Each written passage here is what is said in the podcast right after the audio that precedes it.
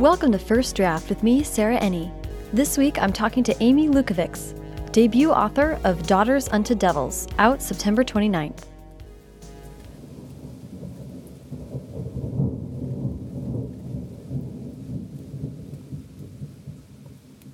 Amy's fiction is full of things that go bump in the night, and things that scream, claw, bleed, and silently stalk in the night, too. But behind her scary stories is one of the kindest, sweetest human beings I've ever met. Amy sends encouraging emails out of nowhere that make me cry of happiness and tells stories so hilariously that I cry some more. So, what I'm saying is, Amy makes me about as scared and as happy as any friend I've ever had, and I couldn't love her more. Fellow YA author Kirsten Hubbard joined me on my road trip when we got to Arizona to visit Amy in the surprisingly green desert town where Amy grew up. We grabbed a room in the local library where Amy first discovered Stephen King and R.L. Stine. So grab a bag of Halloween candy, make sure there's nothing under your bed, and settle in for a lovely conversation.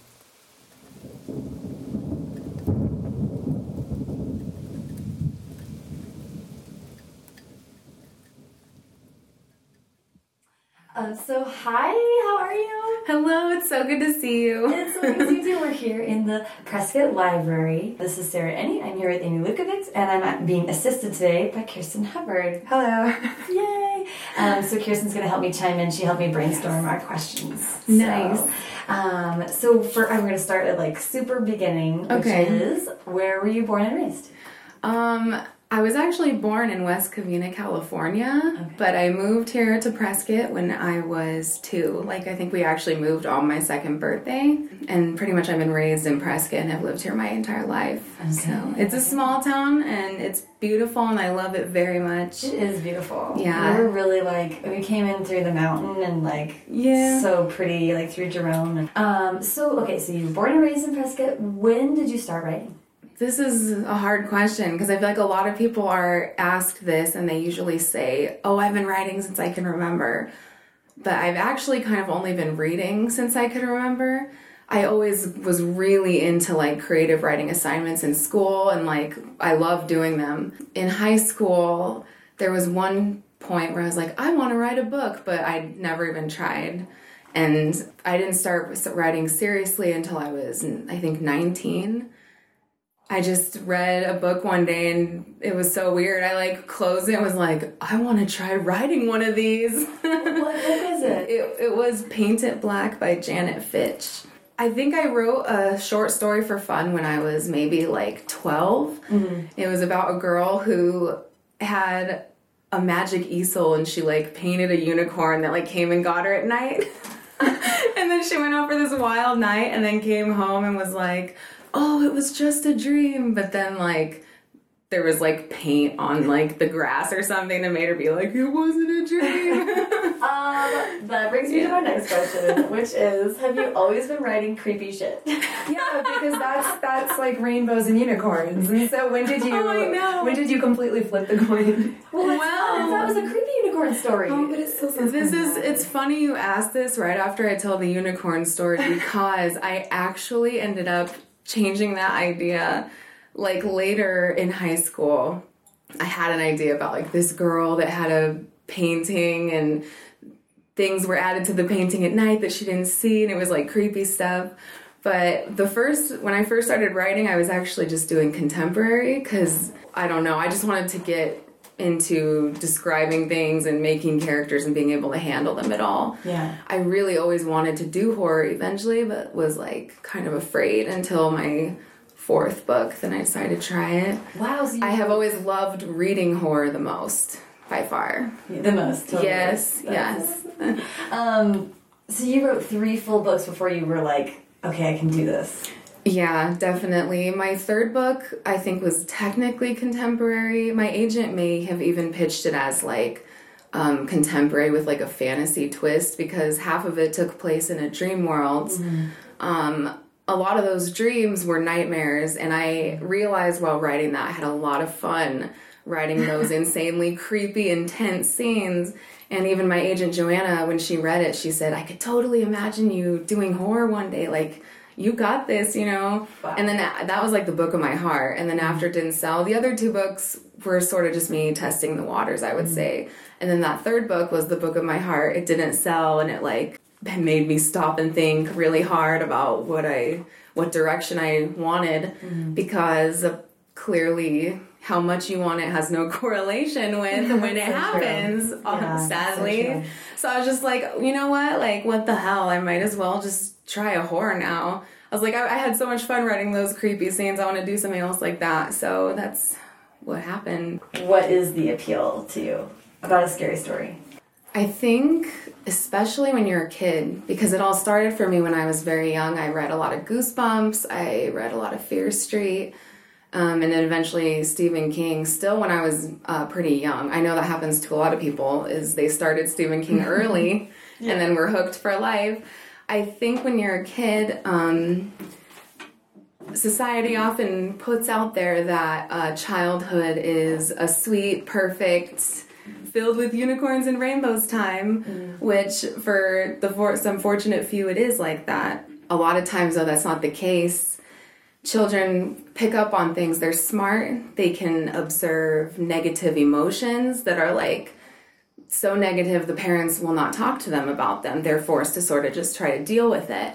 And then so as a kid reading super dark fiction, it kind of blows you away like, whoa, like this is actually a thing, you know. It's like Uh, you're, it makes you feel less alone sometimes. It's being acknowledged. Like Yes, yes, your feelings of things that you are too afraid to bring up, even just talk about. Mm-hmm.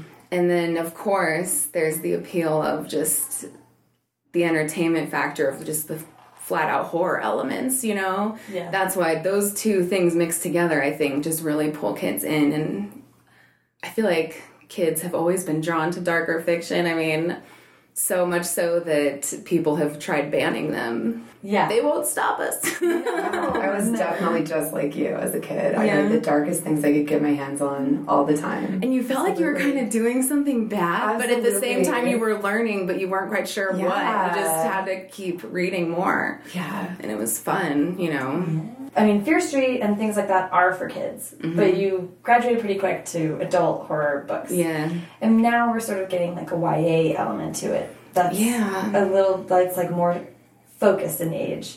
Yeah. But what are the limitations that still exist that you feel like are being put on YA horror right now? Well, for me personally, I hope to be able to just not censor myself when I'm writing sort of things like that. For me, the fact that it's YA simply means that the main character is a teenager. As far as, you know, people say, can you go as far with the gore? Can you go as far with cursing or sex or drugs like anything else? Mm-hmm. My advice would be that I mean, I believe that YA needs way more like balls to the wall horror, you know? Um, there's a there's a ton of awesome YA horror out there and it's very dark. I think people assume since it's YA horror that it won't be won't go past a certain point, but then you read something like In the Shadow of Blackbirds or Between the Devil and the Deep Blue Sea and it's like yeah, it can it gets dark. Yeah. no limitations. At least I would hope not. Yeah. I feel like any editor that I would want to work with um, would not have a problem with really anything like that. Of course, if something is gratuitous, mm-hmm. that's a different thing. It has nothing to do with content. It's just if something is too much, doesn't go with the story well enough, mm-hmm. you know, that could be, that should be edited or cut or whatever. Mm-hmm. It should be all right for the story, but you shouldn't be afraid of how far you can't go, Right. you know? Ooh, I like that. Can you just really quick talk about Daughters Unto Devils? Like, give us the quick like summary of what what it really Yeah. is. Let's see. Daughters Unto Devils takes place sometime in the 1800s. It's unspecified as to the exact time or location. It's basically just um, about a girl who is coping with a secret pregnancy as well as um, a move to a new place to live. She used to live in uh, mountains and she travels very far to live in some prairie lands. Um, so, struggling with all the stress, scary stuff starts to go down, she's trying to figure out if she's losing her mind or if there's something otherworldly at hand. Yes. okay, I love it. So what um when you have an idea for a horror story, what comes to you first that propels the story? What's like the beating heart of the story that gets you going on it? I think it's been different for every um, story idea I've come up with. It could be anything from, like, for Daughters Unto Devils, the first thing I thought about, this is so vague, but like, I read uh, Full Dark, No Stars by Stephen King. And I loved uh, the story that took place, I think it was like in the 1920s at like a farmhouse. But this is silly. There wasn't any electricity, and I was like, ooh, that's creepy. So I want to do something, you know, probably older so that I can ditch electricity for the atmosphere. Yeah. That's so it's such a little thing and then I just I thought of just one specific scene that was a scary scene. It had no context to it, but I thought visually it was really freaky. Mm. So that that scene ended up being the climax for the book and I sort of built around that. I mean, of course, it took a lot of revising and editing and fixing, but I just slowly built the pieces around that. I think other ideas come to me if I if there's a certain type of horror that I really am itching to do. Like if I know, ooh, I want to try a psychological horror, which I just finished my first psychological horror. Uh, so I'll just think of it in terms like that, or maybe it'll be a monster. Yeah. And I write it around this cool monster I thought of, or just whatever. Yeah. You know, it's I different mean, for every book for sure, or every story, I should say. Yeah. And we, I mean, because Kirsten and I were talking about this, that we've, like, you've mentioned before, like, imagery that yeah. propels. And, like, yes. like you just at one point, like, spit out this list. Yeah, you wrote a list of just just these completely like like unrelated images I that were just that. and they, I was like, "Oh my god, all the way down this list, like Amy's brain is just like like everything oh, that scares me. You know, you're just you. so evocative. And do these just do you mm -hmm. build stories around them kind of? Yes definitely. I think I'm I'm very inspired visually. Um, I think that's why I actually like love so much pop music is because the music videos are often very like colorful or like there's a lot going on. You know, some of them suck, obviously. Katy Perry. Candyland, hello.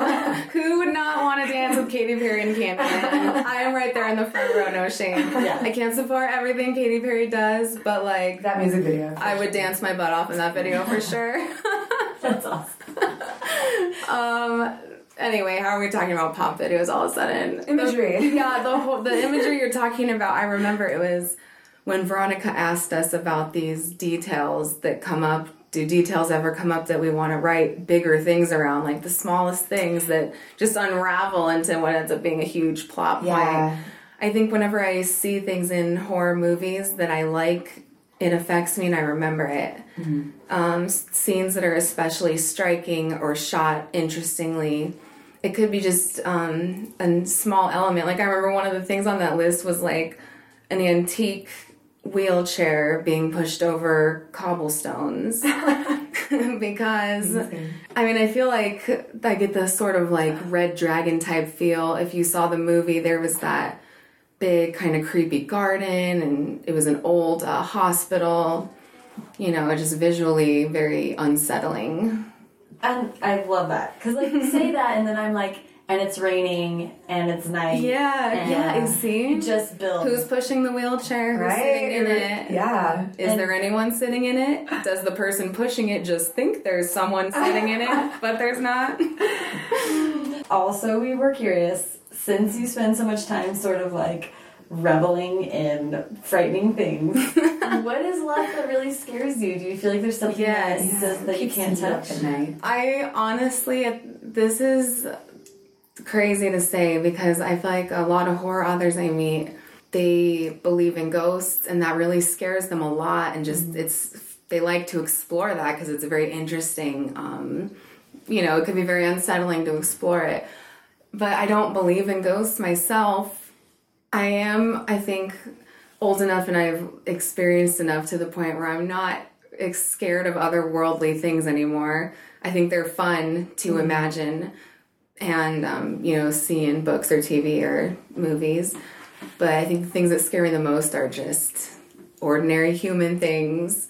like my children being hurt or taken from me, or, you know, um, just unexpected things coming in and crashing in on your comfortable little box, how you view life, you know, Yeah. in a moment that could change. I mean, you're talking about being scared about ordinary things that we all really are scared of, we don't think about as like horror. Yes. necessarily. But do you feel like you're still reaching out and exploring those things through your Yes, books? um, I am in a position with my mental health where unfortunately I ponder these things more often than I should. Um, it's easy for me to get wrapped up in how I would feel if this certain thing event happened to me or that thing happened. You know, usually at night or if I'm stressed, especially, it comes and goes in waves. Everyone who has experienced things like that know it's different for everyone, you know? So I really think that while it's not the funnest thing in the world to go through, I do know in my head for a fact there are lots of other people who could feel similar to that. And when you maybe work through that in fiction, the reader, you can help the reader feel not as alone. Yeah. It all comes back to, you know, there's nothing like reading a book and just like reading a line that you just are like, what? Get out of my brain. Like something that you never said out loud or like talked about with anybody, but then it's there in front of you and you totally feel just like validated, even though you don't even know who wrote it. It's the feeling that it causes, then the feeling of inspiration, I think, can be very helpful and positive mm-hmm. in people's lives outside of when they're sitting there reading it at that moment. It could change everything. We are products of like every second that has happened before now. But also, like, I mean, and specifically in this case, you're talking about like your like deepest fear being something happening to your children, and Mm-hmm. in daughters, there is a pregnancy, there is maternal fear. There's there, so, like, Mm-hmm. Definitely. do you and like you were? know what? I was um, pregnant when I wrote the first draft of Daughters. And I think I actually, um, that was crazy because it was scary. You know, it gets scary. It was totally me thinking of my worst fears. They always say, you know, write the book that you want to read. What, and I just think, what would scare me in a book? It's, you know, stuff dealing with children is always very like, sad and intense, especially if you have kids. Even if you don't, though, if you have nieces or you just like kids in general, like it freaks you out. If, yeah, yeah, right. I think whenever there's a kid in a It just movie, freaks you out to imagine, you know, because children are supposed to be the pure ones, the untouched, but no, no, not the case, you know. yeah, yeah, yeah, yeah. especially not in a horror movie when it's the girl in the ring and it's like, oh. I They know. can tap into things. That's why. Yeah. They're like You're closer to corsets. the other dimensions, right? Um, I mean, I'd like to talk a little bit about setting because you know we were talking about this in the car Mm-hmm. and just you know how strong your sense of place was, and that was one of the most compelling parts. Sorry, my voice just gone. Um, You one, of the sound most one of the most compelling parts of your book was just this prairie, you know, as just like the antagonist. I mean, it was just like so rich and deep, and just like even just this long grass and like this cabin and everything. I mean, Thank you. know, wow. yeah. I mean, setting, I do feel um, in some horror stories, it can be the biggest thing. I feel like uh, The Woman in Black is so atmospheric in just a heavy, dreadful sense. And while, yes, the house is creepy, the storyline is compelling, and the ghost is um, very freaky, I think one of the things that brought the most unease was the marsh and the forest, and it was dark and just, yeah. You can definitely amp up the atmosphere with a setting.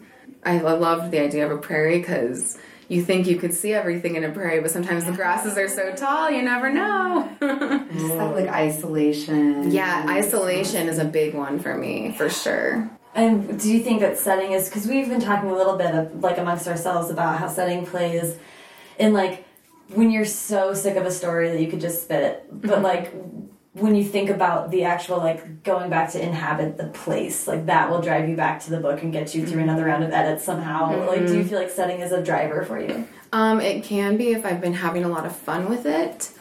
Um, in a story I just wrote, the setting was a big driving force. It was just a big, colorful garden. It was fun to describe, things like that. It is fun to write those candy bar scenes where you see it in your head so well. You already, there's no question of what comes next. It's just you playing on the page to have fun with it.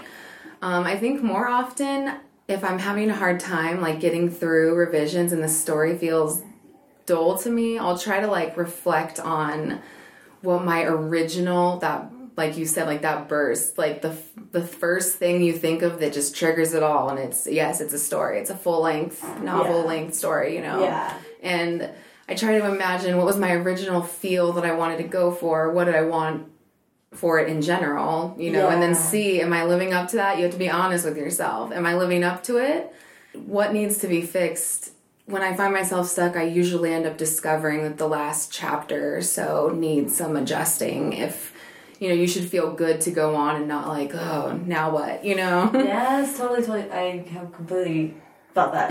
Like, Yeah. And going back to the original feeling, like the Stephanie Perkins uh, love list idea Mm-hmm. that um, going back, like when you're sick of a story to bursting, making a list of like all the things that just pull you back in. And it's like Yes. black eyeliner, like Yeah, very- yeah. just like things that are Exactly. just trigger that like the things that feel sentimental to you Mm-hmm. for the story. and like are what you want to really just evoke kind of and like that's yes.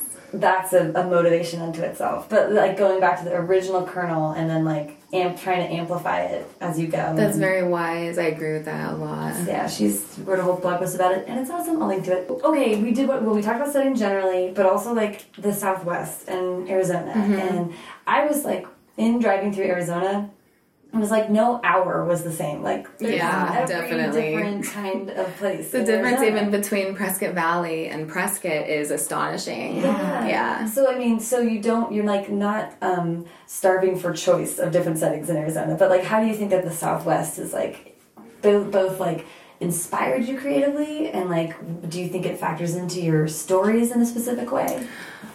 Is I've, I wonder. I've wondered this myself actually, because I I figure it must because it's my environment, you know. Right. So when I think of in what ways, um, maybe I'm I'm usually drawn to things like Kirsten said, isolation.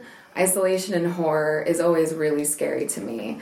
There are a lot of there. This town is quite spread out, and you know, in school when you go to a friend's house, some people lived out in the middle of freaking nowhere, you know, like in Williamson Valley or like even uh, Chino Valley. Things are really spread out there, and when you go there, you can feel like, where the crap am I? You feel, honestly feel like you're out in the middle of nowhere. Wow. Um, because of the awesome like weather in the particular area of the state I live in, there's great like camping. I do love camping stories, so maybe that's something right there. I've always loved um, stories that took place in forests. The forest is like my favorite terrain of all time. Um, there is a forest in Daughters Unto Devils, not as prominent as the prairie, but I feel like I always try to stick some trees in somewhere. That's a good thing. but um, um, there's been a lot of. I mean, there's cool, you know, folklore around here. There's uh, lots of urban legends, like any other area. Yeah. Um, there's, you know, also there's a grave by my mom's house. Actually, it's in someone's yard. It's really old. I think it's maybe even from the 1800s, but. Yeah. It's just like sitting in someone's yard. Yeah, I, I think maybe like the town helps take care of it. I'm not sure, but it was a little girl, and I think there was like a big rumor all growing up that there was this terrible, tragic story about this girl who reached out of the wagon to get her doll and fell out and died, and Yeah. every time you shine your headlights on the grave, your car will stop working and stuff like that. Oh but then it turns out, I think she just died of pneumonia. It was a child, I believe, but uh, I think it was sickness that took her. But you know, there's wild stories about everything like that around here. Yeah. There's lots of cemeteries. There's lots of um, like historical buildings. Mm-hmm. This whole Whiskey Row back here, I'll point it out to you guys once we're walking around, is like super historical. So yeah, I think maybe that that sense of small town dangers, I've always been drawn to those as well. yeah. yeah. Things like Storm of the Century and um, like Misery is really isolated. Yeah. Creepy as fuck. um, the but also like I mean even just in that urban legend you're saying like it's like a pioneer story. You know like it's so Yeah, like yeah. like specifically like western. Like, Yeah. This, this sort of like vibe of Like I can't spirit. believe I'm admitting this, but I honestly like have never put that connection together before. I really haven't, but it's true. Yeah. And I mean, um, yeah. So that's that's in there. You didn't even know. I know those field trips from when I was younger really ended up helping me out then, huh? Because that's the sort of stuff we'd go look at. Yeah, and like the sense of like, I feel like when you talk about those pioneers and like people who were like making it entirely on their own, like Yeah. Laura Ingalls Wilder could write a horror Yes. story because Jesus. Absolutely. I actually read this whole thing about Laura Ingalls Wilder before getting into Daughters. And I totally agree with you. There were so many elements just just on their own were just horror-tastic things dealing with illnesses, how intensive it was to build your own log cabin, how long it would take, what you'd have to do in the meantime. Yeah. Even traveling is a huge risk. Mm-hmm. Um, mm-hmm. my book, in that sense, would not be as historically accurate because I think in real life there would be much more trouble, even just traveling mm-hmm. half a day's worth. So many things could happen, you Yeah, know. yeah. That you have to deal with animals, you have to deal with snakes, poisonous snakes, you know. Yeah. It's a lot to deal with on that terrain. So I totally agree with you on that front. That's So cool. Okay, cool. You mentioned that you were interested in, in like, or that you have an idea for an adult horror Yes. story. So do you feel like you Yes. want to also branch out and write adult? I absolutely uh, plan on branching out into the adult market eventually. In like an ideal world, I could do both forever. Yeah, yeah. you know, so and you know, I would even love to do like younger age stuff, like really creepy middle grade. But I mean, mm-hmm. that's I'm not a strong writer for middle grade. Middle grade can handle a lot. It's but very- Alvin Schwartz's scary stories to tell in the dark. I think it's can handle. I think there's Really such a precise art to nailing like middle grade horror that I could not ever grasp. Like perfect example is those scary stories to tell in the dark stories, I think, by mm-hmm. Alvin Schwartz. Right.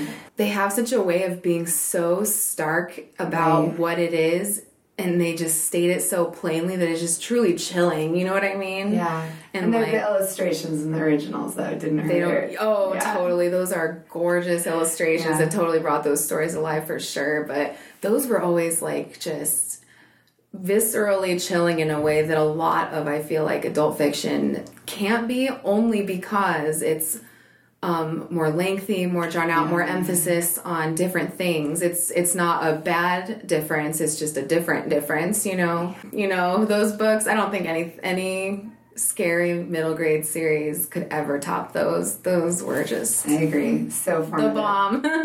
Yeah. Do ideas come to you with an age attached? I mean, what No. what's the difference when you're thinking about what makes a story an adult story versus a YA story? Honestly, I never.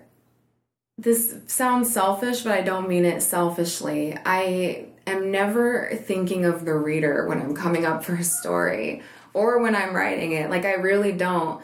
I like that's not that makes it sound like I don't appreciate or love readers. I do. And like the fact that anybody would want to read something I wrote and the idea of them liking it is just like blows my mind. It really does Yeah. But in right- order in order to get a good reaction out of the readers though you i think anyway you should really make sure that you love you love the book to where the point when you're putting it out there you're proud to put it out there it's just there's so many stages um, involved and until the final product is there i think it's just important to stay really focused on I mean, I am kind of in writing for the experience of when I am actually writing it.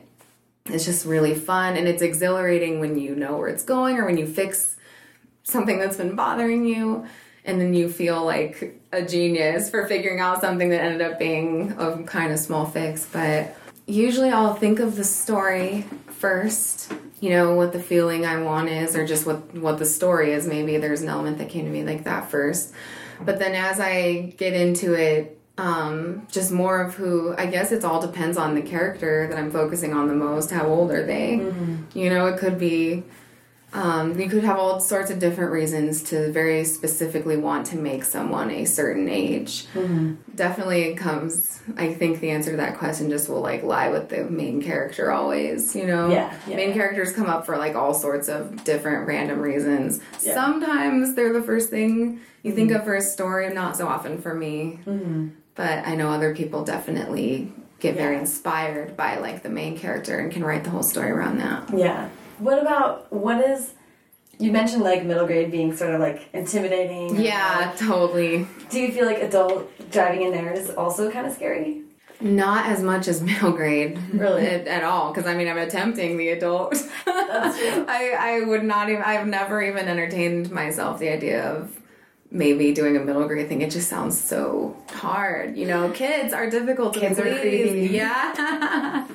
Yeah. it's just when you're writing um, adult, I found you more so just uh, linger on certain elements more to draw out and get more of a word count. With YA, it's much more, the pace is much quicker. The average length is a bit smaller. And so, in general, the stories in YA are much quicker paced.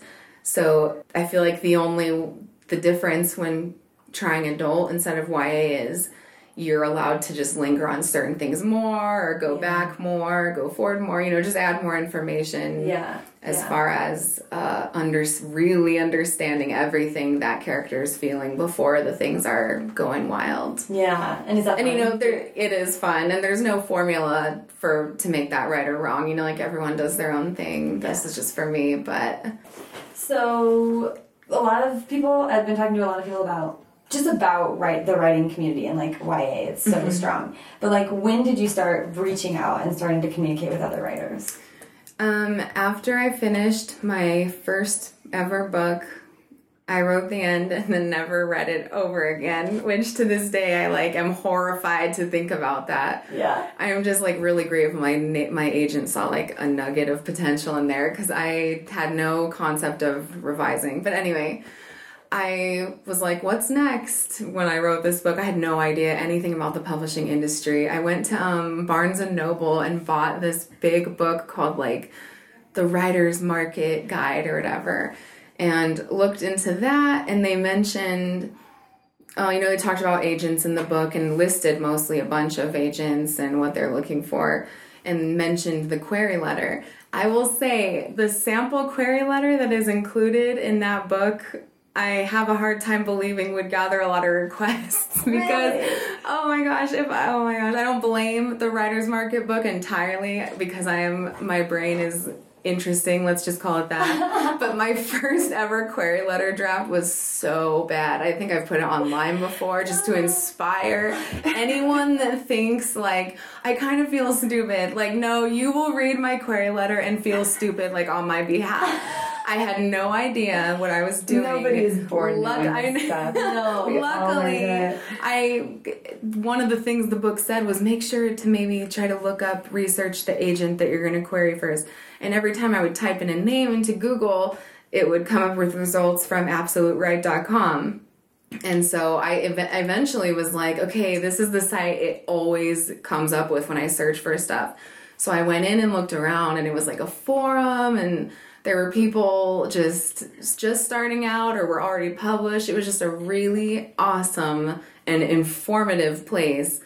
You know, as with any enormous forum, you got to weed through like some stuff that's totally inaccurate or just silly. Yeah, yeah, yeah. but there is like serious knowledge in there and I would not have been able to write a query letter that gathered requests if it had not been for that site. Yeah. I had over 60 rejections with the query with not a single request, all form rejections, with the exception of Colleen Lindsay, who very kindly told me that my idea was actually a young adult idea. See, I didn't know anything about that. I I was like I was like, "Please read my adult contemporary." That's pretty much the only thing I said about the book. Colleen Lindsay told me, you know, age it down, make it YA, that's your novel. I did that kept learning how to query, kept getting form rejections. Finally was getting it after draft. Like honestly, like I had at least 20, 24 drafts of query That's letters. amazing. Just every time I would slightly tweak it, I would be too impatient to wait and I would send it out to a bunch. Ah. And you know, but then, you know, that site totally led me to write the query letter that ended up getting me my one and only request for the manuscript. With who is now my agent, Joanna, Yeah. who is like legit the best agent in the world. I love her. It just shows what a gatekeeper a query letter is because I- the, the yes. book was obviously Everything. fantastic. It was just. I don't, I don't I mean, know you know, it was, it was still your early book, but uh, you know, I mean, it, I just needed your someone to agent is read fantastic. it. Yeah, and It she obviously me- saw the promise there, but it was just It took me Getting that query. forever to get someone to agree to read it. And that's what I was I was seeing all these other writers be like, "Oh, I got a full a partial request and then a full request, but then it didn't work out." Like that was so common. It happens all the time. And I was just like, I haven't even gotten to that stage yet. Like I'm still on the like, give me a request, please, you know. But like by some stroke of a miracle, Joanna like offered representation like immediately. So that was awesome. But I definitely um, started engaging a little like started putting out um, just responses to the a lot of the YA threads. I was interested. I was the one making threads saying, "Is it okay to swear?" You know, like that's how you learn that stuff. Though is Yeah. there's no such thing as a stupid question because the people there will tell you like it is for better or for worse. You know, to go get the information. yeah, you, you can get the information you need. And then I think the funner part for me was there was a section where you could like share your chapters and what you were working on and get encouragement from writers. And my first um, friends that I made in this community ever was Kody Keplinger. She, I was going to post um, my first chapter of my uh, book, and I saw here's something from my new book I'm working on called The DUFF. And I was like, I love that title. And like, me and Kody ended up just commenting on each other's work all the time. We loved reading each other's stuff. We still do, you know, we always have since then. It's crazy. We, we were sort of in the same area of our journey as far as we were both wanting an agent, we were both querying. She um, queried and got an agent and I was so happy for her. And then within two weeks, she had a book deal, and I was like, "Dang, Kody, what the heck?" You know? Yeah. Friend, like making friendships and being a part of the community. How do you think that that's changed like your writing and, and your life? It has been totally priceless and invaluable to have friends going through similar things. You know, publishing has so many things you can complain about.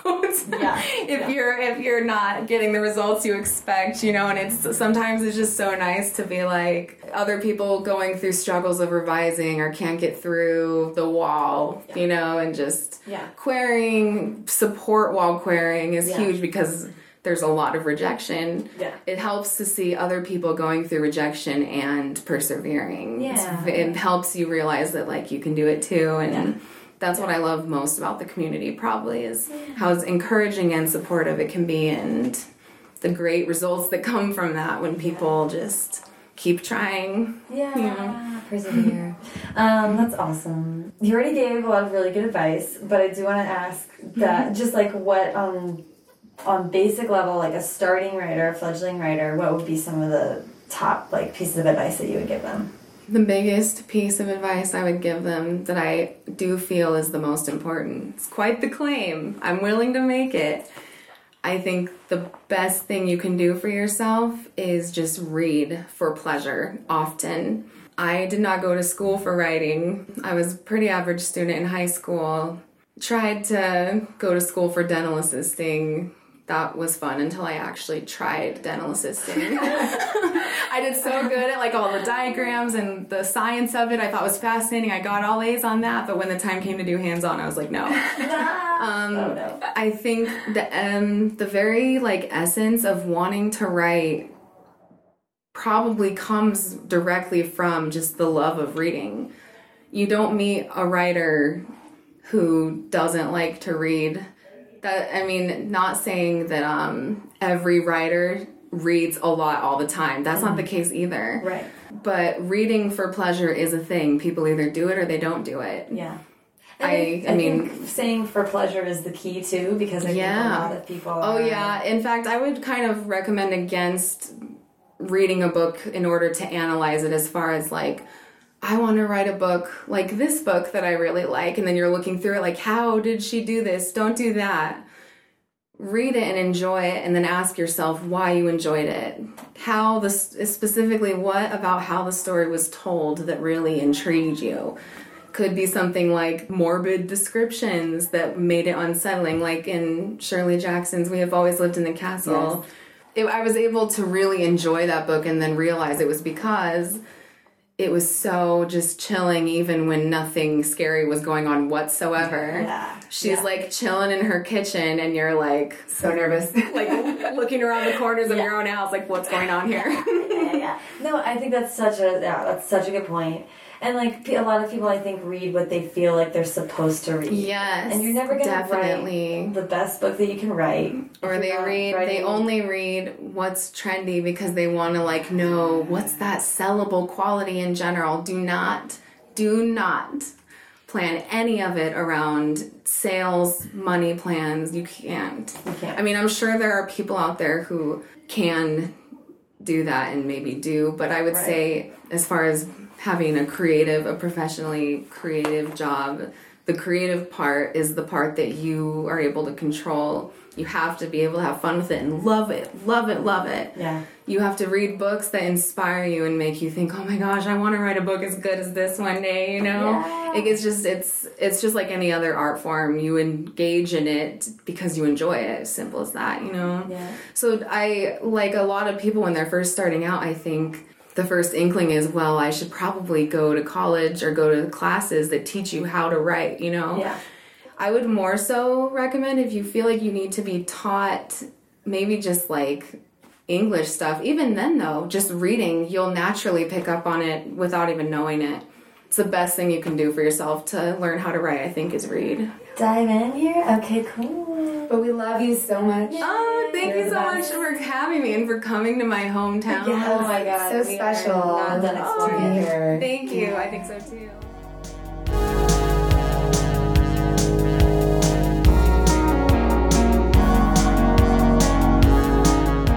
So much to Amy. Follow her on Twitter at Amy Lukavics and follow the show at First Draft Pod and me at Sarah Enni. You can follow the show on Instagram and Facebook too, but for a list of everything we talked about in this interview, as well as quotes, book recommendations, and more, visit firstdraftpod.com. If you liked what you heard, please subscribe to the show on iTunes and think about leaving a rating or review there. In the Wes Craven universe, people who support cool stuff online always make it to the final credits. Thanks to Hash Brown for the theme song, and to Colin Keith for the logo. And thanks to all you gremlins for listening.